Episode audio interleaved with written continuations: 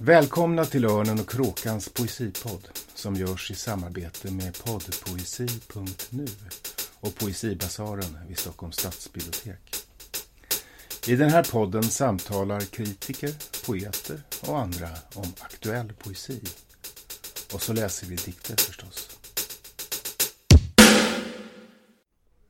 Välkomna allihopa eh, till det tredje avsnittet för året av Örnen och Kråkans poesipodd. Jag heter Magnus William Olsson. Idag när vi spelar in är det onsdagen den 18 april. Det regnar ett stilla vårregn, gjorde det åtminstone när jag gick hit. Nedräkningen har börjat till sommaren. Och eh, vi har en eh, vårpublik här med oss i Poesibasaren i Stockholms stadsbibliotek där vi spelar in. Hej publiken! Får vi höra er? Ja, tack. Tack så mycket. Eh, idag ska vi tala om eh, poesiöversättning. Och invid mig sitter en person som eh, översatt mycket poesi men som också tänkt mycket över och skrivit mycket om översättning och kanske då i synnerhet eh, eh, poesiöversättningen. Eh, nämligen John Svedemark. Hej John! Tjena! Vad kul att du är här. Roligt att få prata om det här. Ja, precis. Eh, det, är ju, det ska bli jättespännande tycker jag. I, idag så ska vi så småningom prata om konkreta exempel eh, på poesiöversättning. Men jag vill säga några ord om dig först. Eh, mm. Du är ju från början lingvist, eller hur? Jo, jag, jag är en, en avhoppad lingvist. Men, men, men, jag, jag fortsätter ju att vara galen i språk. Ja, just det. Och så har du varit journalist, du har varit kulturredaktör på Arbetet, LOs eh, eh, tidning. Ja, och så blir jag insyltad i en massa tidskrifter hela tiden. Det gör, gör du ju mycket. Och så forskar du kan man väl säga. Du skriver, du eh, kritik och essayistik och så föreläser du mycket, talar mycket, eller hur? Ja visst, det är mycket undervisning och, och sådana populära föredrag och gärna om översättning. Mm.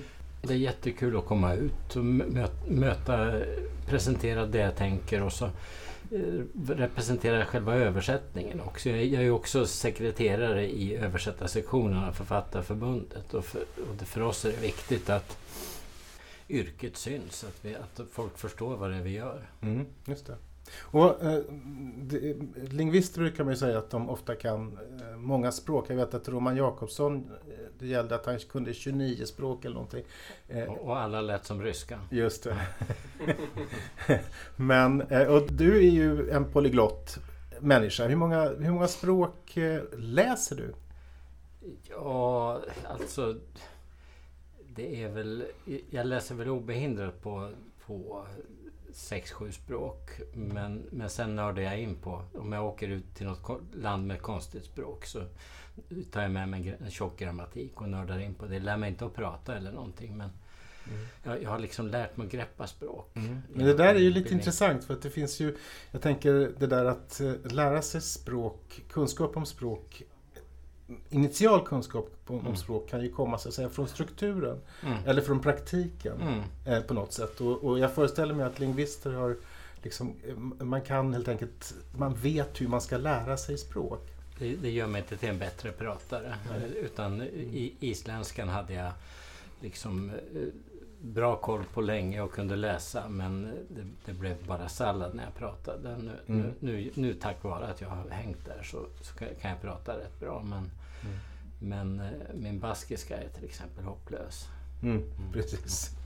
Eh, men du översätter från isländska, det har vi redan förstått. Du översätter från engelska, från franska. Du har översatt från tyska också? Ty, lite tyska, italienska har jag ju, mm, Just det, gjort lite grejer. Och så, och så norska.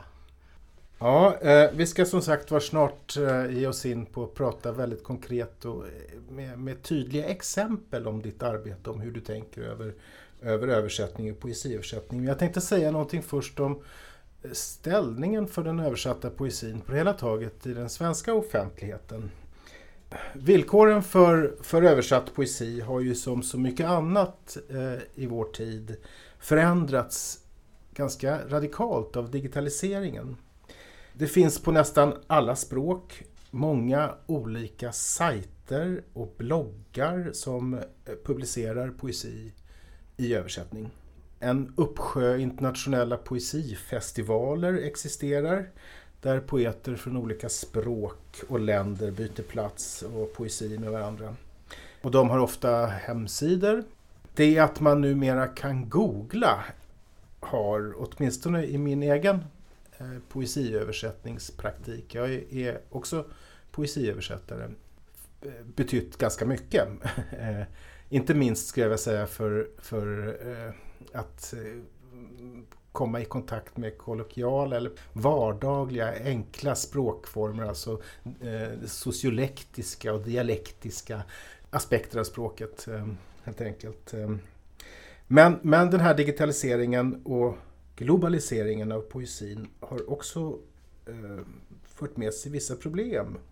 Själv har jag till exempel många gånger upplevt att mina egna dikter eh, i översättning eh, bara copy-pastats, kopierats och klistrats in på, på olika bloggar. Ofta med ett helt nytt utseende. Med nya radbrott, mm. kanske pff, centrerade, kanske liksom eh, med, ny, med strofer som, som är borta och sådär. Och så är det då min bild och så är det mitt namn. Mm. Och så står det där. Det där är också en aspekt av, av, eh, av, av digitaliseringen.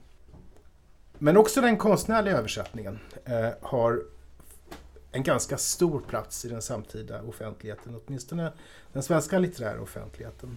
I Örnen och kråkans årskalender, eh, poesiåret 2017, så går jag i en översiktsartikel igenom den översatta poesin i bokform från förra året. Och det rör sig om en ganska betydande utgivning från många språk, de skandinaviska språken, andra europeiska språk, världsspråken förstås, engelska, spanska, kinesiska, arabiska, men också mindre språk som koreanska och vietnamesiska. Och det, det är ju fascinerande att det är så mycket eh, poesi som, som ges ut. Eh, men å andra sidan så eh, uppmärksammas den ju väldigt lite. Mm.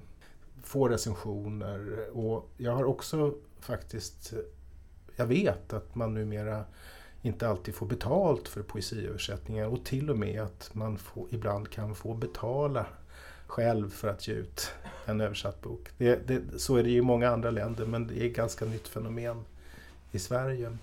Så där från din horisont John, du som ju ändå eh, arbetar så mycket med översättning. Hur, hur, hur ser du på den översatta poesins ställning på den svenska det sorgliga är ju att den knappt syns. Det, är, det, det finns väldigt få platser där man kan hålla koll på vad, vad som har kommit ut. Och jag, jag, blir, jag hittar grejer som jag inte visste fanns. Mm. Eh, just därför att ja, bibliotek, ett stort bibliotek, där, där är det chans att man, att man stöter på grejerna. Men i övrigt, eh, eh, det det, och det är så tråkigt också att jobba med en översättning och så sen få den utgiv, utgiven och upp, sen upptäcka att den betvivlar att den existerar eftersom mm. den inte har nått fram till någon. Mm. Och, och, ja.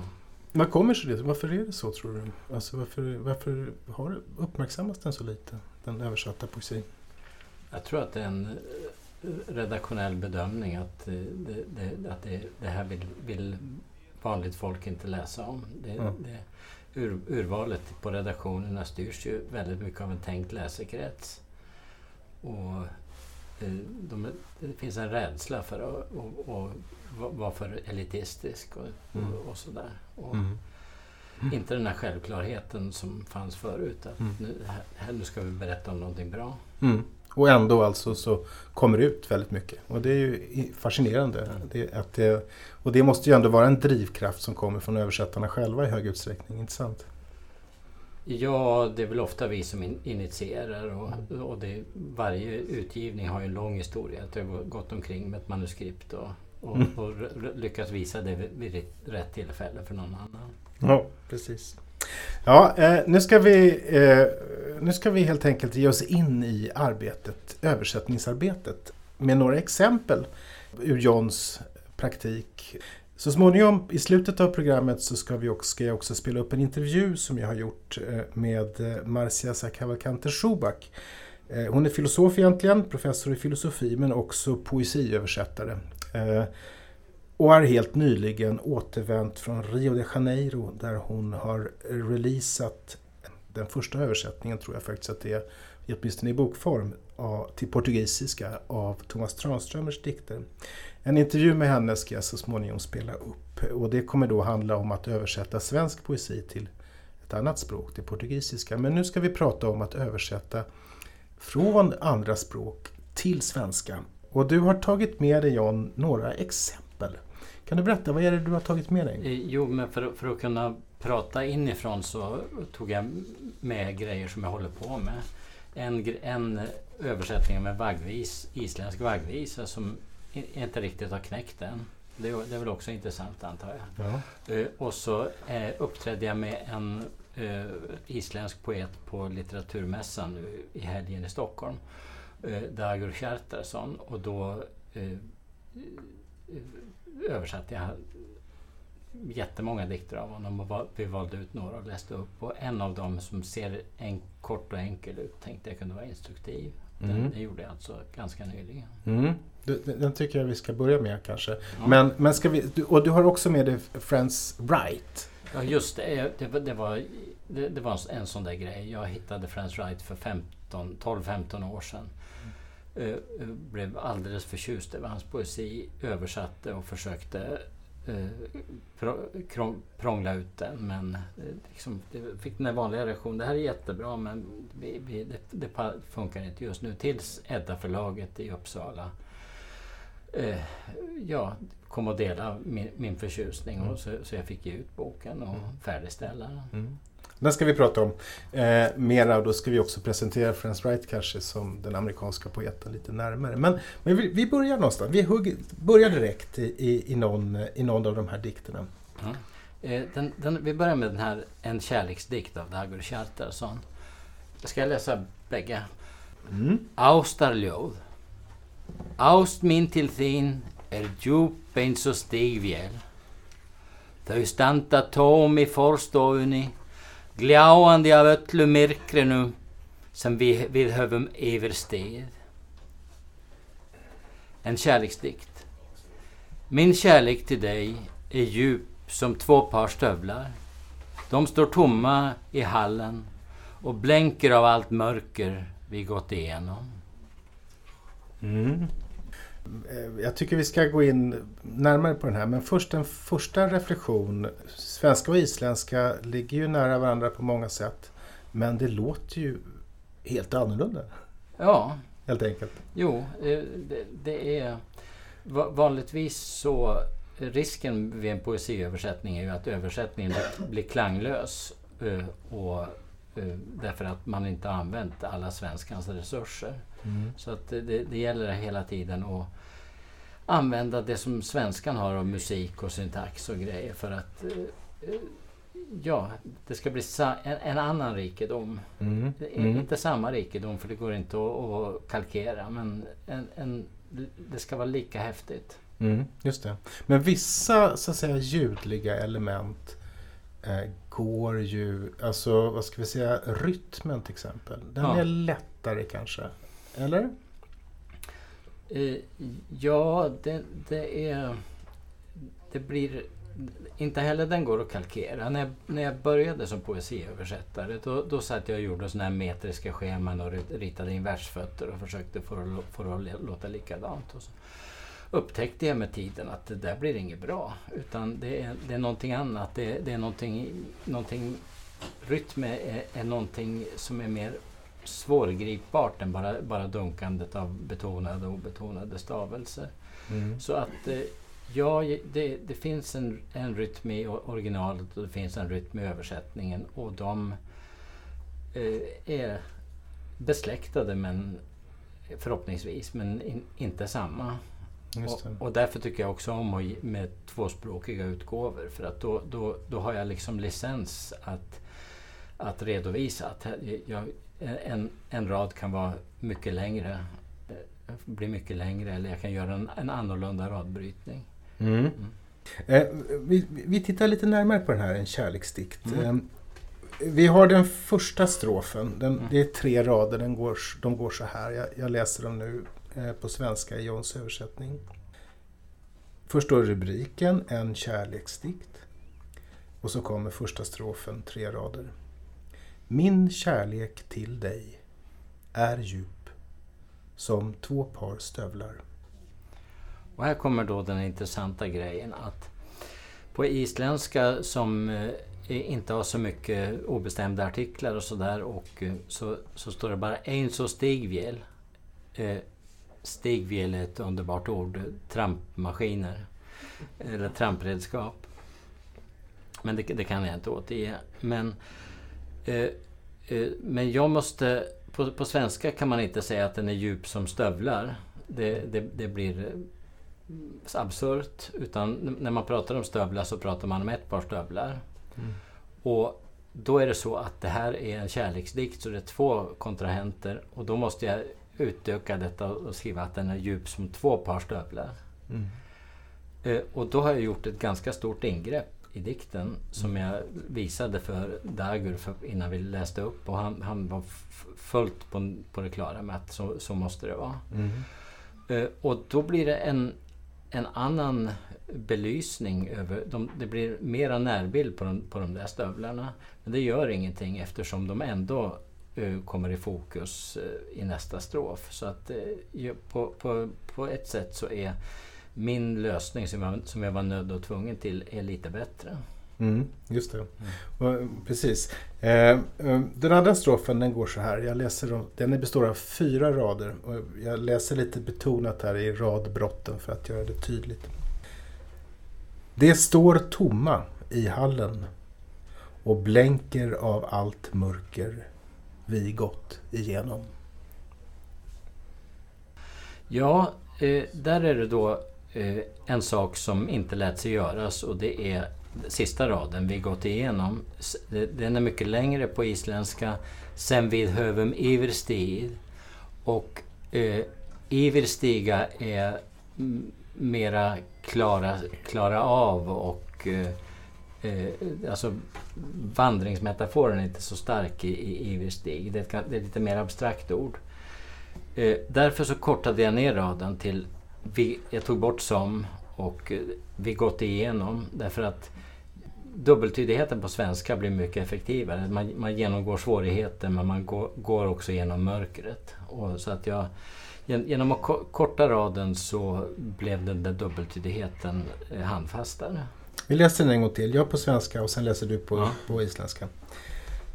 Om stövlarna alltså. Mm. De står tomma i hallen och blänker av allt mörker vi gått igenom. Þau standa tóm i forstofunni, gljáandi av öllu myrkrinu som vi höfum yfirstig. Ja, det där... Vad säger du? Jo, jag tycker att det, det jag tycker om den där eh, Eh, jag tycker om den här praktiken, det måste jag säga. Alltså för att det... det, eh, det, det du gör ju ganska, ett ganska, ganska stora ingrepp ja. i, i dikten. Ja. Eh, för att få fram en, en, en, en svensk dikt vad ska vi säga, som funkar. I någon mening. Alltså, ja. det, det, är ju inte... Här, här kommer man in på en, en av de stora frågorna vad det gäller poesiöversättning eller översättning på det här taget, men i synnerhet poesiöversättning. Och det är eh, vad, vad, vad, vad eh, vilken roll har likhet eller mm. eh, jämförelse mm. i arbetet? Mm. Eh, och det är på ett sätt det det handlar om här. Mm. Helt enkelt att, att eh, du ställer fram de här två stövlarna mm. till exempel. Och det, och det är ju uppenbart att det är en olikhet. Eh, men å andra sidan mm. är det i det svenska språkets, i, de, i de idiomatiska möjligheterna, de poetiska möjligheterna, mm. så är det, eh, någon, eh, gör du något, ett, ett, en ekvivalent. Och det tillför någonting till diktens universum. Det, mm. det, det, det är liksom... Eh, om det inte hade funkat så hade jag naturligtvis fått hitta en annan lösning. Men nu, nu, nu gav, gav det här sig och då... Eh, då, då, då kände jag liksom, det här sitter. Ja. Ja, det här Mm. funkar. Mm, mm. Eh, ehm, det kräver ju ett, det här sättet att översätta kräver ju ett stort självförtroende. Ja, hellre det än att eh, göra publicera grejer som jag, som jag inte är nöjd med, som är, som är för slaviska. Mm, mm, just det. Och, och, det, och det här eh, att, att, korta, att göra raderna kortare för att ge, ge dem mer energi, det, det är någonting som jag har lär, lärt mig av erfarenheten. Förut så skämdes jag om, om en, en rad inte var lika lång som i originalet, fyllde på med lite eh, nonsensord eller någonting eh, så att, så att den skulle bli lika lång. Och då tappar den energi medan en, men en, en, en kort rad och en lång rad är ju ur po poesins synpunkt lika mycket värda. Och, eller lik, de är lika tunga. Mm, mm, det är precis det. Är, eh, kvantiteter, det gäller ju också metrik Mm. helt enkelt. Alltså Mm. den där eh, ehm, eh, Cicero skriver någonstans att, att eh, dikten ska överföras inte räknad utan vägd. Det tycker jag är Mm. ganska vackert.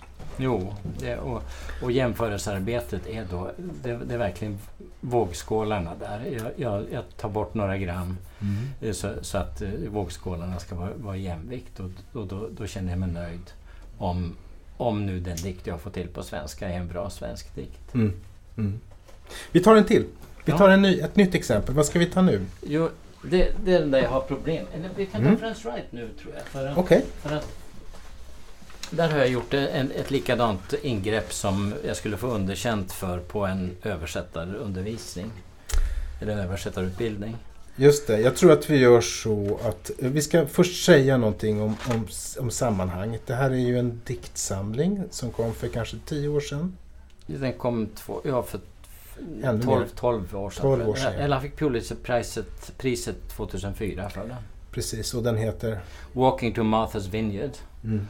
av en eh, poet som heter Franz Wright och är son till den store beatpoeten James Wright. Eh, och eh, det, det var inte så... Det gjorde inte saken och saker och ting lättare för honom utan det tog lång tid innan han blev tagen på allvar som den stora poet han var. Tyvärr så dog han i, för, några, för några år sedan i, i, i cancer. Just det, Eh, och den här boken finns alltså utgiven i Johns översättning på Edda förlag och den har fått en titel. Vad heter den? Till fots till Martha's Vineyard. Mm, precis. Ja. Och, och, och varför har du valt att ha kvar den engelska Winyard? Eh, Jag tycker det är ett platsnamn så att, eh, Mm. och, och det är många som har, har eh, relationer till det. Mm. Det, det, Mm. det finns konnotationer som, som inte går att... Mm. Och, och, och, ja, det betyder inte så mycket poetiskt heller i, i själva titeldikten heller. Mm. Så att det, det, var, det, det, var, det svåra var att ha det där till fots. Eh, Det, walking, att gå eller något sånt där. Men, men till fots, det, det handlar lite grann om en pilgrimsfärd. Så att Mm. jag, jag ville få, föt, få med fötterna där. Mm. Och den här dikten som, vi, som, vi har, som du har tagit med som exempel, eh, vad heter den? Den heter Antipsykotiskt, eller an- Antipsychotic på, på engelska. Ja. Och det är ett porträtt av en... Uh, Franz Wright levde ett hårt liv men var också en, jobbade också mycket med tonåringar som hade det svårt. Så att det är svårt att veta var han slutar och eh, de trasiga människor han skriver om tar vid. Mm. Eh, eh, Så att det här, det här är ett porträtt av en, eh, en, en flicka som har det svårt. Mm. Ska du läsa den på svenska? Ja. Antipsykotiskt. Dunkandet från grannens hjärta håller henne vaken natten igenom. Vi lär oss aldrig, tänker hon. Vi minns om vi har tur. Nu sätter hon på lite fin skära upp handlederna musik. Den mesta poesin jag läser får mig att känna att jag redan har dött. Och titta, allting övergår i någonting annat. Ja, det är sant. Risperdal, maskrosboll. Ensam i den mörka trädgården blåser hon ut den. Mm. Eh, just det. Eh, jag tolkar den här titeln an- Antipsychotic som helt enkelt antipsykotisk psykofarmaka. Ja, det tror jag Eller hur? också. För det, ja. det är den där Ripperdal. Ja, är ju, en, är ju en, ett, ett, ett psykofarmaka. Ja. Eller hur? Ja, eh, just det. Det är så.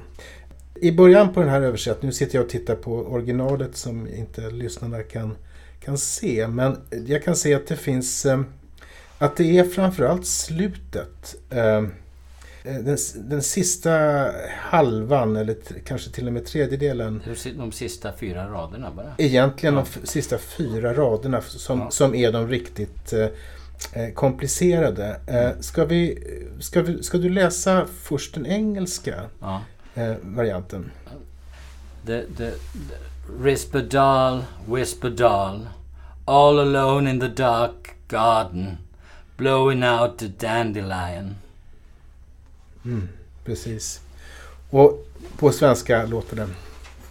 Risperdal maskrosboll. Ensam i den mörka trädgården blåser hon ut den.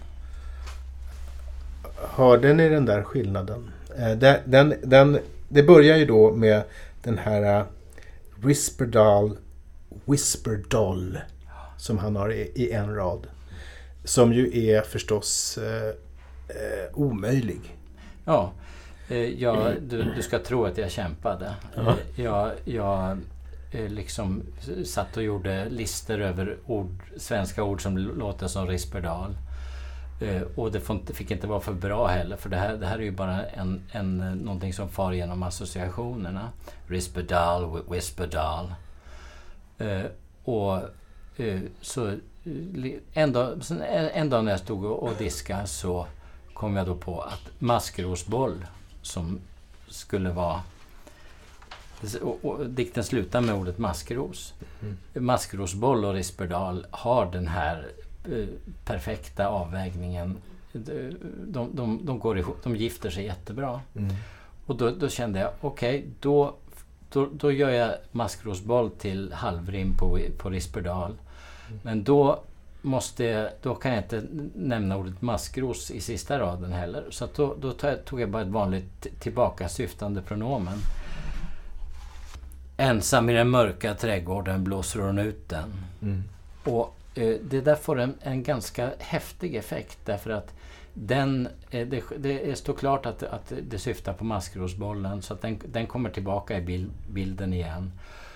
Jag kan också använda det lite oegentliga uttrycket blåsa ut därför att på engelska är det fullt normalt att blow out eh, en, en, maskros, um, en maskrosboll men på svenska är, det- blir det en metafor eh, eh, som då eh, är väldigt...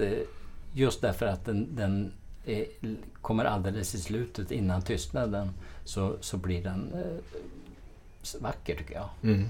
Ja, det, blir det. det här är ju verkligen en lösning. Alltså, det man skulle kunna säga, rent bildligt så, så eh, eh, väljer du, du ju att, ju att skippa den där Whisper Doll. Ja, Som ju är en ganska stark bild. Alltså med den här, Ja. det, jag vet inte om, för mig ger den där Whisper Doll ger liksom associationer till lite skräck, eh, skräckfilm.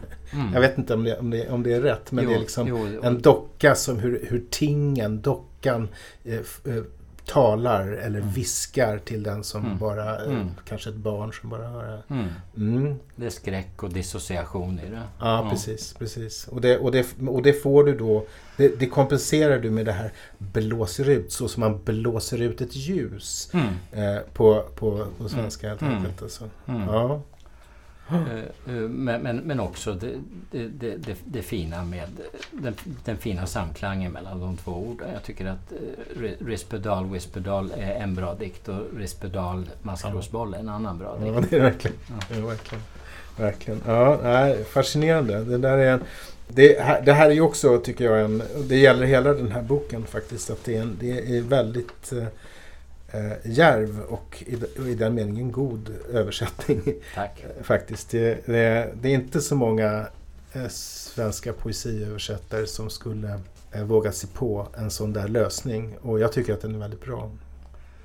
Men har det inte också att göra, tänker jag, med att, att eh, också med någonting med digitaliseringen och globaliseringen att också främmande litteratur, även om den inte är tryckt i, i böckerna, mm. är, ändå är tillgänglig eller möjlig. Man kan liksom originalen. Det är inte så att mm. översättningen ersätter originalen eh, så som det kunde vara förut för mm. att det var så omöjligt att få tag på dem. Liksom.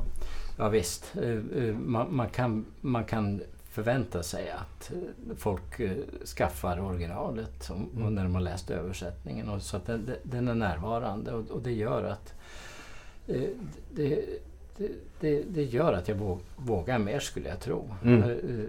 Därför att jag, jag, står för att jag har ändrat och, och det här med och, och är inte rädd för att försvara mina beslut. Nej, nej. Okej, okay, vi tar ett tredje exempel.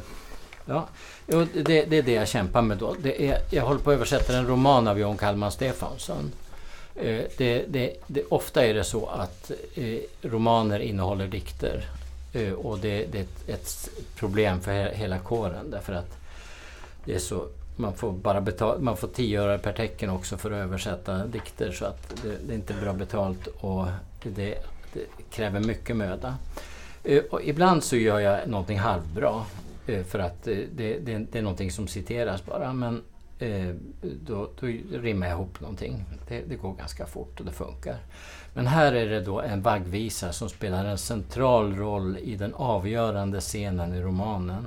Den, den sjungs på en stor tillställning och förändrar livet för hon som sjunger och för många an, andra människor. Och det är en, en, en oerhört välkänd eh, isländsk visa, en folkmelodi.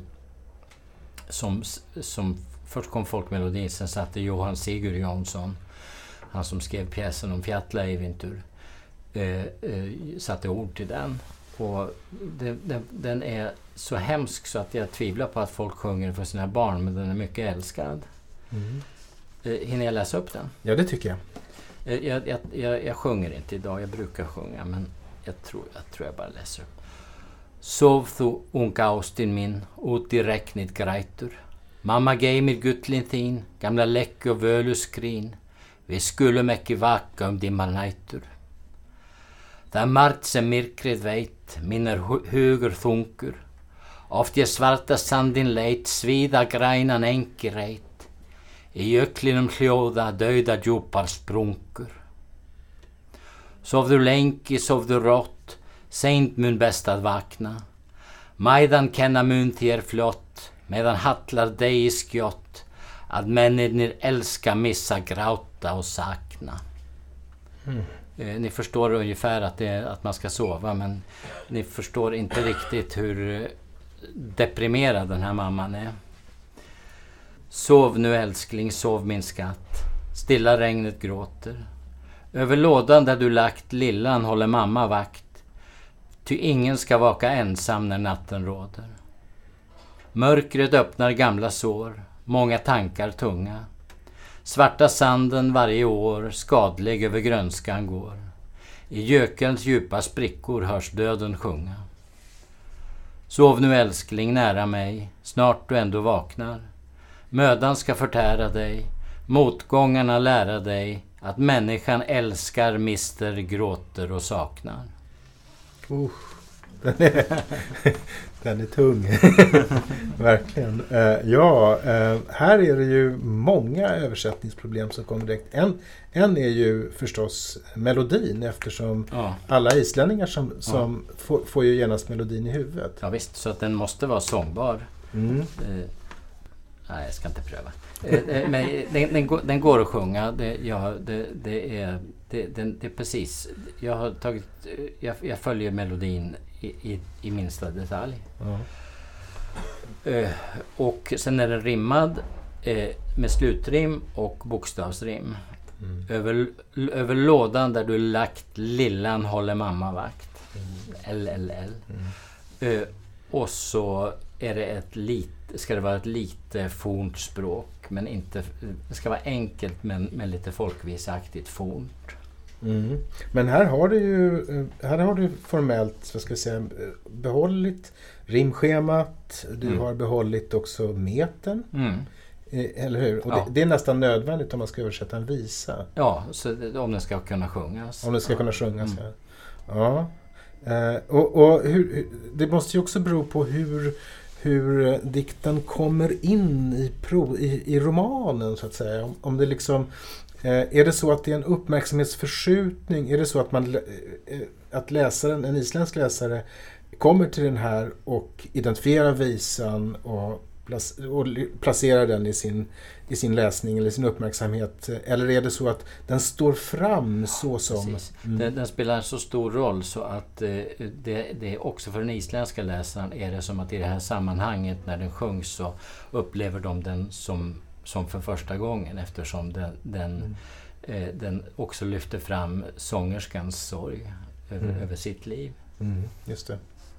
Ja, fascinerande.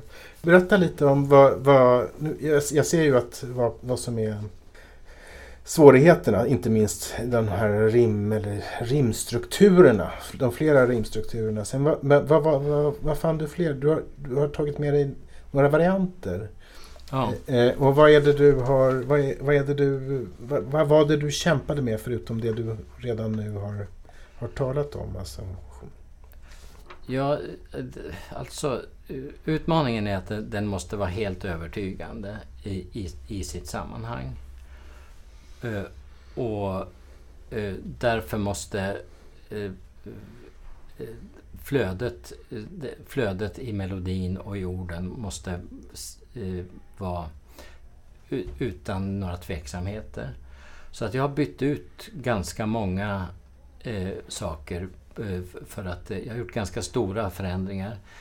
Eh, över lådan där du lagt lillan håller mamma vakt. Det är, det, är alltså på isländska. Mamma tar hand om, eh, om dina skatter, det gamla fårbenet och leksakslådan. mm. Mamma Geimer Gutlintin, gamla Läck och Völuskrin. Mm. Eh, eh, och eh, då är det så där att eh, i en sån här eh, översättning som måste vara enkel så får orden inte bli för tunga. Ett, ett ord som völuskrin som då är leksakslåda fast det innehåller väldigt många betydelser. Om, om jag stoppar in det i, i den här enkelheten så, så överglänser det allting, allting annat. Det är normalt på isländska eftersom det är, det är ett vanligt ord. Men om jag försöker eh, stoppa in eh, både histo- historik och klang och is, isländsk lektradition och eh, signalen att, det- att det här är ett väldigt fattigt hem. Mm. Eh, då eh, stjäl de showen. Ja, Ja. ja. ja, precis, Mm. precis. Och det är ju också, här, här betyder ju genren ganska mycket också. Det är en vaggvisa. Ja, Eh, och en vaggvisa eh, ha- har ju helt enkelt vissa genrekrav. Dels ska Ja. den vara sövande, ja, helt enkelt. Vilket inte är helt lätt alltid för en, för, en, för en uppgift. Men så ska den som sagt vara, den ska funka i väldigt hög utsträckning. ja. Mm. Eh, och, vara, och inte vara för... Vara lite gåtfull måste det vara också. Och, Mm. och li- lite hemsk. Den här är ju jättehemsk då, men, men den ska vara lite hemsk och lite tröstande. Mm. Och, och herr Johan eh, lurar lyssnaren genom att den, den, den är bara jättehemsk. Mm. Ja. Ja, eh, fascinerande. Vi ska eh, snart... Eh, den här podden, går, tiden går fort som alltid. Eh, och jag ska spela upp den här intervjun som jag gjorde med, med Marcia Cavalcante Schubach. Hon är som sagt var eh, professor i filosofi egentligen på Södertörns högskola. Men hon översätter också poesi. Jag har översatt tillsammans med henne en hel del brasiliansk poesi till svenska. Eh, men hon översätter också då svensk poesi till, till portugisiska. Och jag, jag cyklade ut till hennes hus eh, utanför Stockholm för några dagar sedan. Eh, en underbar plats, det där huset med en massa människor, ofta som, som talar på många olika språk. Eh, och det hörs alltid också på den här inspelningen, den här bandningen hörs det ofta musik där därför att hennes man Peter Schubach är tonsättare och cellist. Eh, och också hennes vuxna dotter eh, Helena Sakavakante Schubach är musiker. Så det är mycket musik i det här huset vilket också hörs på den här eh, inspelningen ni ska få höra. Men jag, jag ska spela upp den. Eh, den tar en kvart ungefär. Och så hinner vi prata lite om hennes syn på, på översättning som eh, liknar Johns men också skiljer sig.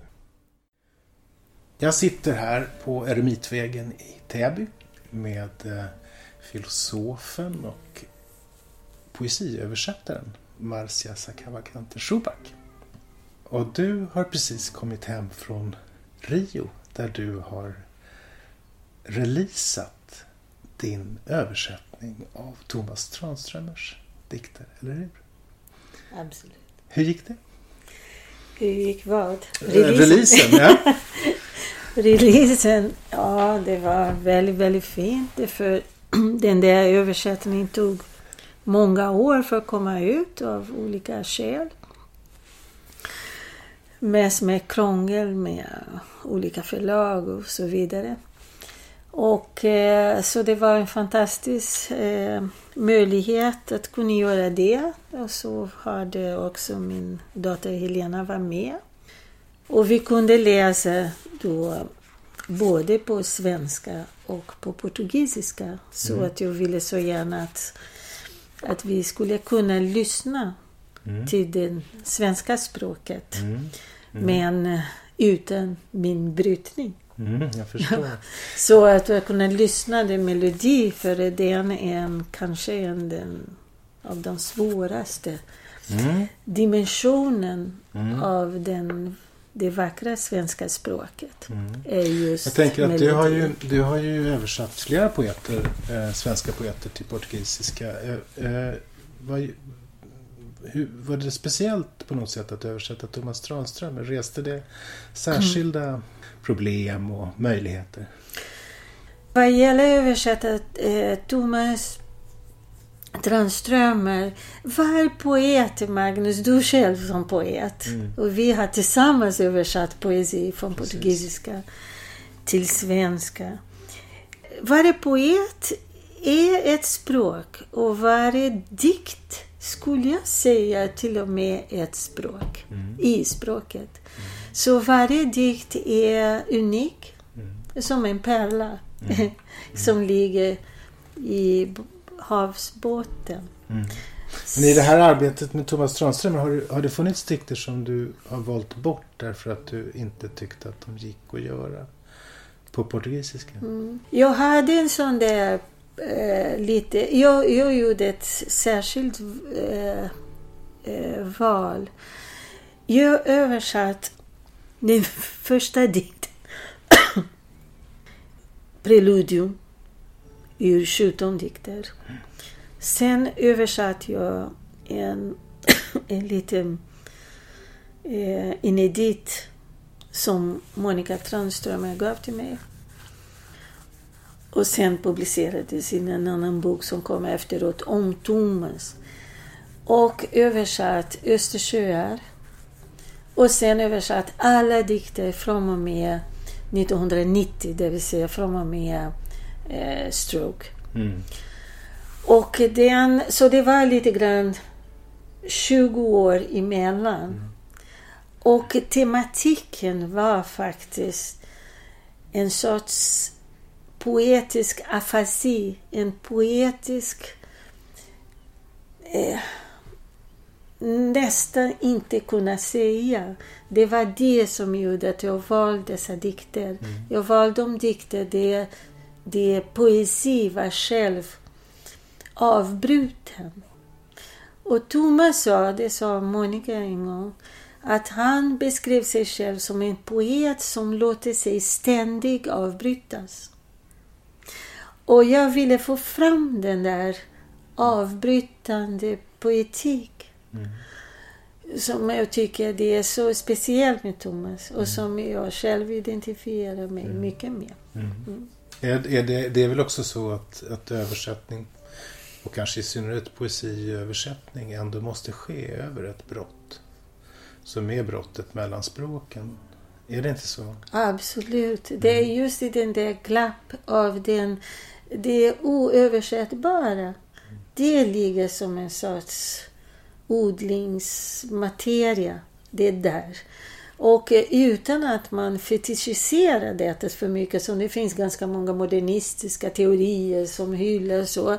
Det för att inte kunna säga det är läget för skapande i språket. Så, och där händer saker, händer mm. alternativ, händer mm. lyssnandet. Mm.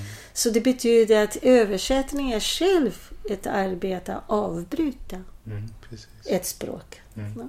Kan vi, kan vi se på någon, något, något exempel? Ja, jag kan säga olika saker. Så den svåraste dimensionen av po poesiöversättning är hur kan vi översätta tonerna? Hur översätter vi ett ljud? Mm. Det är väldigt svårt. Mm. Framförallt på svenska, det vissa vokalen är orden. Ö. Mm. Ö är ett ord. Å är ett ord. med semantiken, innebörden och landskap så viktigt. Så det där är väldigt svårt.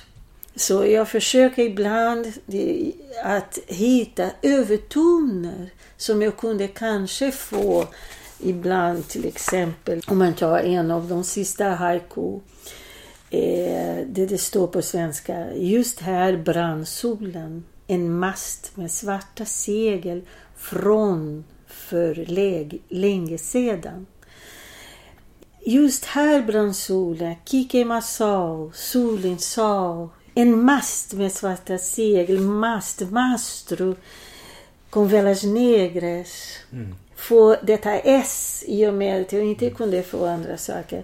Från för länge sedan, det är mycket tempo. Det kan jag inte ha den där länge som på svenska är redan lång inom sig. Men det muito. Och muito. Då mm. försöker jag ha den där länge i muito. Mm. Så sådana saker är mm. försök. Mm. mm. Jag tänker den där, det ingår ju ganska mycket, ganska många haikus i den här Mm. Eftersom du valde de här sena mm. dikterna. Och, eh, har du liksom, hur, hur är det med den metriska formen? Har du liksom hållit kvar den? Ja, den, har, du... har, jag, den har jag jobbat. Mm. Och den här har jag faktiskt jobbat en del med Helena till och med. För Helena som eh, musiker, hon, hon, vi, vi har faktiskt slagit takt. Mm. Mm. Jag ville att man skulle få rytmen. Så till exempel Se hur jag sitter som en uppdragen eka. Här är jag lyckligt. Så, olha, eu sento como um barco sem mar, aqui sou feliz. Mm. Så det, det finns eh, förändringar, mm. lite grann, inte så stora, men förändringar i, i semantiken. Ibland var jag tvungen att lägga till eh, mm. ett verb, ett ord. Så det finns några här som jag Döden lutar sig och skriver på havsytan. Kyrkan andas guld. Så jag gjorde March caindo för att behålla rytmen. Precis. Mm. Eh, döden lutar sig, March caindo och skriver på havsytan. Så var jag tvungen att ta bort och. Mm. Skrev mar. Kyrkan andas guld. Då använde jag en väldigt gammal portugisiska ord för kyrkan. Se Se satte in ett bindestreck eh, eller ett tankestreck. Se arde oro. Kyrka andas guld. För att inte kunna ha verbet i sin transitiv form eh, på portugisiska utan att eh, förstöra rytmen. Så det blev Morte caindo, skrev sobre o mar, se arde oro. Mm. Då kunde jag få den rytmen. Mm. Så, det där tycker jag är intressant. Alltså, hur, hur, hur tänker du över statusen mellan de två dikterna? Den origin, originalspråkets dikt och målspråket, den portugisiska dikten. Hur, hur är dess förhållande till originalet? Jag kanske skulle beskriva snarare som ett eko. Snarare än en motsvarighet, inte heller någon jämförande. Men det är ett eko. Så den svenska dikten, en sån vacker dikt, en dikt är den som förmår en stark dikt, en vacker dikt, en stor dikt eller hur man vill beskriva. En dikt som stannar. den stannar i mån att den tatuerar vår själ. Och den, den tatuerar vår själ så vi skapa en annan dikt. Utan att använda mina landsmän eh, stora begrepp om transkreation och omskapande. Men det skapar en dikt som är ett eko, skulle jag säga. Det finns naturligtvis, det svenska språket är så melodiöst. Men det är också Thomas dikt, förutom mycket melodiös. Eh, han, han är en vardagligt... Han använder sig av det vardagliga och avbryter det med det helt sublima moment, ögonblicket. Det är, tycker jag, Thomas styrka. Och att kunna behålla det här dessa instans, moment, ögonblicket där någonting helt oväntat sker i språket, en radbrytning och så vidare. Det var det jag försökte. Men sen finns sådana svårigheter. Svårighet. För Thomas var mycket... Jag skrev att han var en, lär, landsk, en lärling av landskapet. Han, han, som jag förstod, han uppfostrades av ett landskap. Och det är väldigt svårt, för det svenska landskapet är helt annorlunda än mitt tropiska landskap. Den små blommor som har namn. Vi har den gigantiska blomstrande som har en namnlösa. Så det var en svår balans. Ibland till exempel har jag valt att översätta fåglar som inte finns på portugisiska. Typ lärka. Och jag lyssnar så mycket på lärka, lärka. Och den där alltid eh, tagit min själ. Åh, oh, det här liknar en sabia. Det liknar en sabia. Så jag översatt med sabia. Det var det ekot. Mm. Utan att jag försöker jämföra ornitologiskt hur de hänger ihop eller så. Mm. Men det är bara, det är det sång. Den det finns, Sabia i Brasilien är som en överton av den där tonen. De hänger ihop mm. på ett sätt mm. lite mer musikaliskt än mm. ornitologiskt. Mm. Man säger så. så det var en sak som jag gjorde. En annan sak som är svårt med svenska, tycker jag, är genitiv. Genitiv tycker jag är så oerhört svårt. Och man kan använda i och med att man får ihop ord, fallskärmshopp. Jag kan inte ha ett ord på portugisiska, jag måste ha flera. Men då stötte ett problem för mig. Den där första, första vers av Thomas Strömströmer i, i historien. Uppvaknandet är ett fallskärmshopp från drömmen. Det är 17 dikter just det. Ja. Det är så fantastiskt. Mm. Men jag har faktiskt eh, brottats jättemycket med det här vers på grund av den förbaskade genitiv. Och jag sa acordar é saltar de paraquedas. Detta skulle vara den rätta. Jag var tvungen att ändra. Saltar de paraquedas dos sonhos. Det blir så fult på portugisiska. Saltar de paraquedas. Dos sonhos. Det, det, det är inte bra. Så det tog, tror jag, ja, kanske ett år jag har inte tänkt 24 timmar om dagen, men mm. Tog ett år för att komma till en vers som nu lyder Acordar é saltar de sonhos com paraquedas. Mm. Så då fick jag, fick jag rytm, fick jag sånt där som lyder. Så, mm. något sånt enkelt. Mm. Och sen det som är väldigt typiskt för Sverige till exempel, hur kan jag översätta i Östersjöar? Här bakom täta snår är det öns äldsta hus. Den låga knuttimrade 200-årigen sjöboden med grå raggigt tungträd. Hur kan du få den här på portugisiska?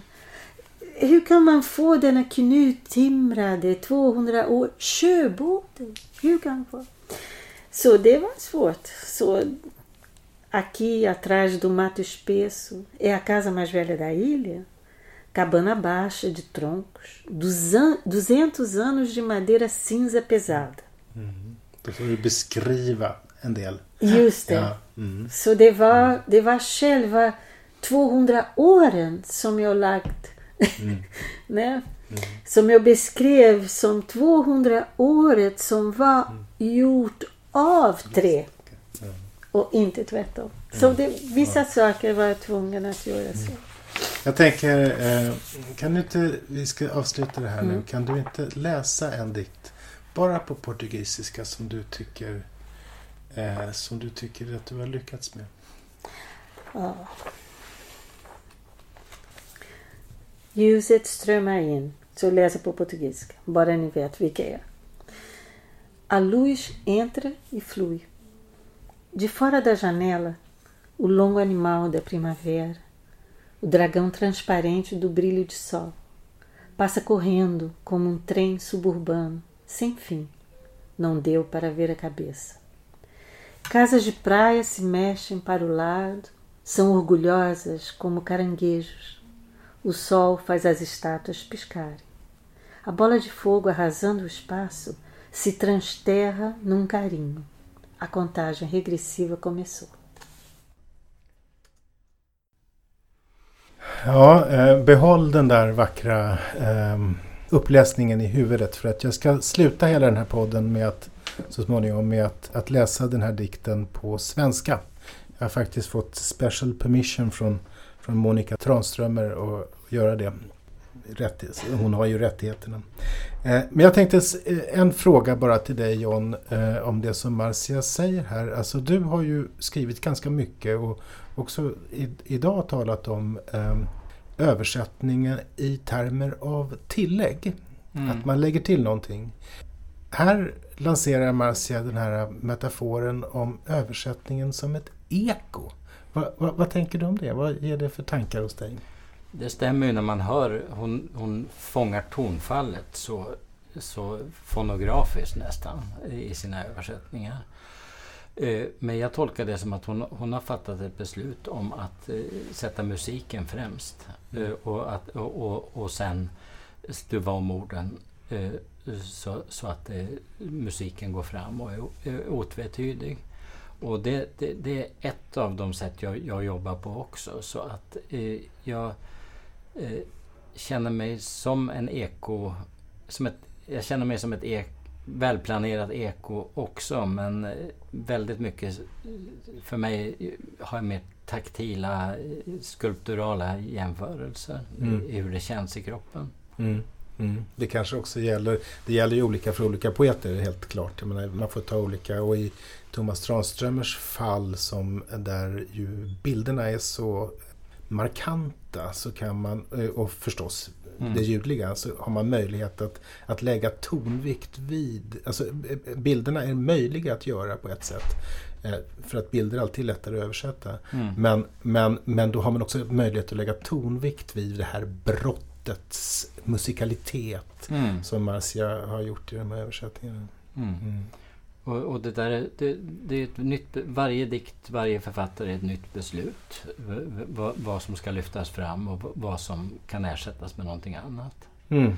Eh, Och så det här arbetet på slutet med att inventera det egna språkets resurser för att eh, det, det ska bli en bra dikt också.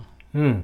Ja, eh, tack, tack John för det här samtalet. Och vi ska sluta nu. Jag ska läsa dikten men först ska jag säga att nästa avsnitt av Örnen och Kråkans poesipodd den spelar vi in redan den 9 maj. Och då inte klockan 12 som vi brukar på lunchtid utan klockan 18. Och inte heller i Stockholms stadsbibliotek utan i Göteborgs stadsbibliotek. Jag hoppas att alla göteborgare kommer dit för det blir en liveinspelning och gästen den gången är eh, poeten Gila Mosaed eh, som vi kommer att prata om och få höra på och, och diskutera på olika sätt. Men det här avsnittet av Örnen och Kråkans poesispodd ska jag alltså avsluta med att läsa Thomas Tranströmers dikt, hans vårdikt, för det rör det sig faktiskt om.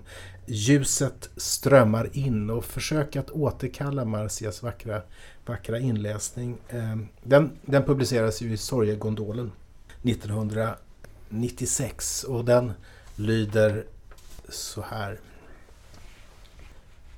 Ljuset strömmar in.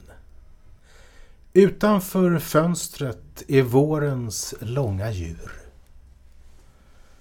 Den genomskinliga draken av solsken rinner förbi som ett ändlöst förortståg. Vi hann aldrig se huvudet. Strandvillorna flyttar sig i sidled. De är stolta som krabbor. Solen får statyerna att blinka. Det rasande eldhavet ute i rymden transjorderas till en smekning. Nedräkningen har börjat.